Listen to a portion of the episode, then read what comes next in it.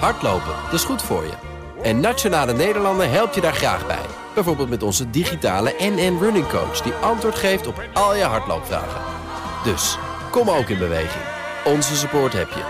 Kijk op nn.nl slash hardlopen. Delen. Factgoeroes.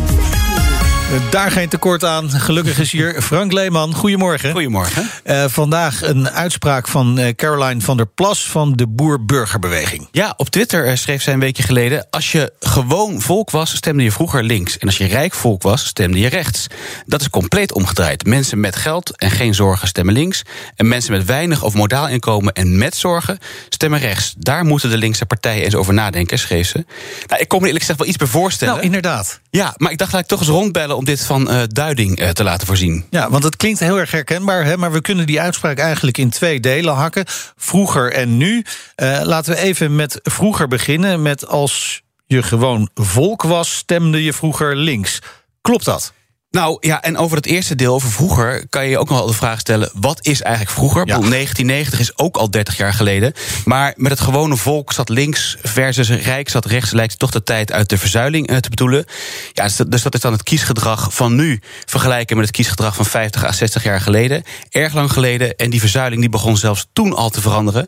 Uh, vertelt ook bijvoorbeeld Henk van der Kolk, politicoloog, universitair hoofddocent aan de Universiteit Twente. We moeten niet vergeten dat de verzuiling uh, nou halverwege de jaren 60 al begon in te storten. Het lijkt wel alsof we een beetje terugpraten over Nederland zoals het 60 jaar geleden was. Ja, nou ja, en ik sprak ook Tom Lauwersen, universitair hoofddocent politicologie aan de Universiteit van Leiden. En hij legt uit hoe dat kieslandschap waarvan de plas aan refereert er tijdens de verzuiling uitzag. Dan is misschien ook belangrijk om te begrijpen hoe er vroeger zeg, tijdens de verzuiling werd gestemd. Toen waren er eigenlijk twee zaken die belangrijk waren voor stemgedrag. Dat was religie. Hè. Ben je religieus en welke religie dan? Nou, waren ze dan katholiek, stemmen ze KVP. Waren ze hervormd, stemmen ze CAU. Waren ze gereformeerd, staan ze ARP. Uh, en uh, ook inderdaad inkomen of klasse. Ja, dus religie speelde een veel grotere rol ja. uh, in hoe men stemde dan nu. En we horen hem praten over de klasse en daarover zei hij ook nog dit. Iets wat je allereerst zou kunnen zeggen is dat vroeger die, die arbeidersklasse die je had, die vooral ook links stemde, uh, die is natuurlijk grotendeels uh, verdwenen. En de, de middenklasse is heel erg uh, gegroeid. Er zijn sowieso in die klassenpatronen heel erg veel zaken veranderd. Ja, dus identificeerde in 1970 nog ongeveer 45% van de bevolking zich als arbeidersklasse. Ja. Dat is nu nog maar iets, ja, iets boven de 10%. Ja, dat is natuurlijk veel minder. Is uiteraard ook veel veranderd hè, in die 60 jaar. Maar stemde men vroeger met een grotere arbeidsklasse dan vooral ook op links? Nou ja, onder andere volgens Henk van der Kolk klopt dat deel van de tweet uh, dus juist niet. Luister maar. Zo'n uitspraak klopt niet, want het gewone volk stemde vroeger helemaal niet massaal links. Links heeft in Nederland nog nooit een overwegende uh, meerderheid gehad. En het was zeker niet zo dat het gewone volk massaal links stemde. Ze stemmen wat vaker links, dat klopt. Dus dat is dan alvast uh, duidelijk. Hè? Ja. En in dat eerste deel van de tweet zegt ze ook dat Rijk rechts stemde. Maar dat zit volgens Henk van der Kolk ook anders. En omgekeerd geldt natuurlijk ook, uh, Rijk volk stemde rechts. Uh, nou, dat is zeker niet zo. Uh, er was een hele hoogopgeleide, uh, rijke deel van de bevolking dat op de Partij van de Arbeid bijvoorbeeld stemde. Dus de, de, tegenstelling die in het eerste deel van de tweet wordt gegeven, die klopt wat mij betreft niet. Ja, die kreeg vroeger de bijnaam salonsocialisten. Ja. Hè? Precies. maar hoe, hoe zit het met dat dit tweede deel van die tweet? Hè? Dat stemgedrag van rijk en arm, is dat, is dat nou inderdaad compleet omgedraaid?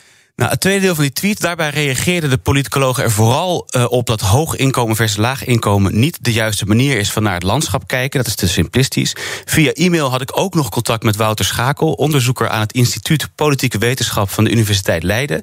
En hij schreef onder andere dat links en rechts vroeger een economische betekenis had, mm -hmm. maar dat het nu ook, of misschien zelfs nu wel vooral een culturele betekenis heeft. Het onderwerpen zoals immigratie en bijvoorbeeld de integratie van Europa in ons land erg belangrijk zijn geworden. Ja. En dat beaamt ook Henk van der Kolk. Er is uh, onder mensen met een relatief laag inkomen. Uh, verzet tegen Europa, verzet tegen massale uh, immigratie. En ik denk dat die factoren eigenlijk veel meer een rol spelen dan het feit dat ze zo weinig verdienen.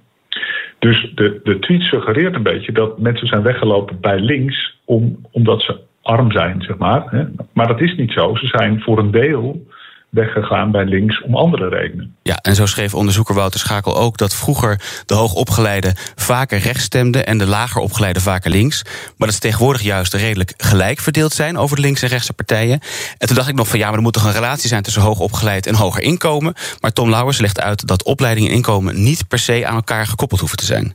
En een, een deel van hen die werkt juist ook part-time. Veel vrouwen bijvoorbeeld. En ja, als je part-time werkt, is je inkomen natuurlijk ook naast een hand lager. En ze zijn wel hoger opgeleid, maar dat inkomen is juist niet uh, superhoog. Juist binnen die groep, groep hoger opgeleiden zijn het de mensen die relatief wat minder verdienen, uh, die, die links stemmen. Dus in dat opzicht draagt dat er natuurlijk aan bij dat nog steeds inkomen eerder een voorsteller is voor een stem op een rechtse partij dan een okay. linkse partij. Oké, maar er zijn, er zijn dus allerlei variabelen die meetellen over waarom mensen ergens op stemmen. Maar als je dan toch even puur alleen maar naar dat inkomen kijkt, hè, wat zien we dan in het nu?